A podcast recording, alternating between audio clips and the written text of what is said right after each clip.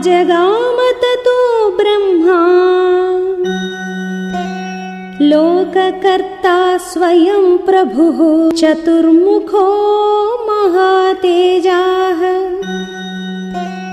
द्रष्टुं तं मुनिपुङ्गवम्।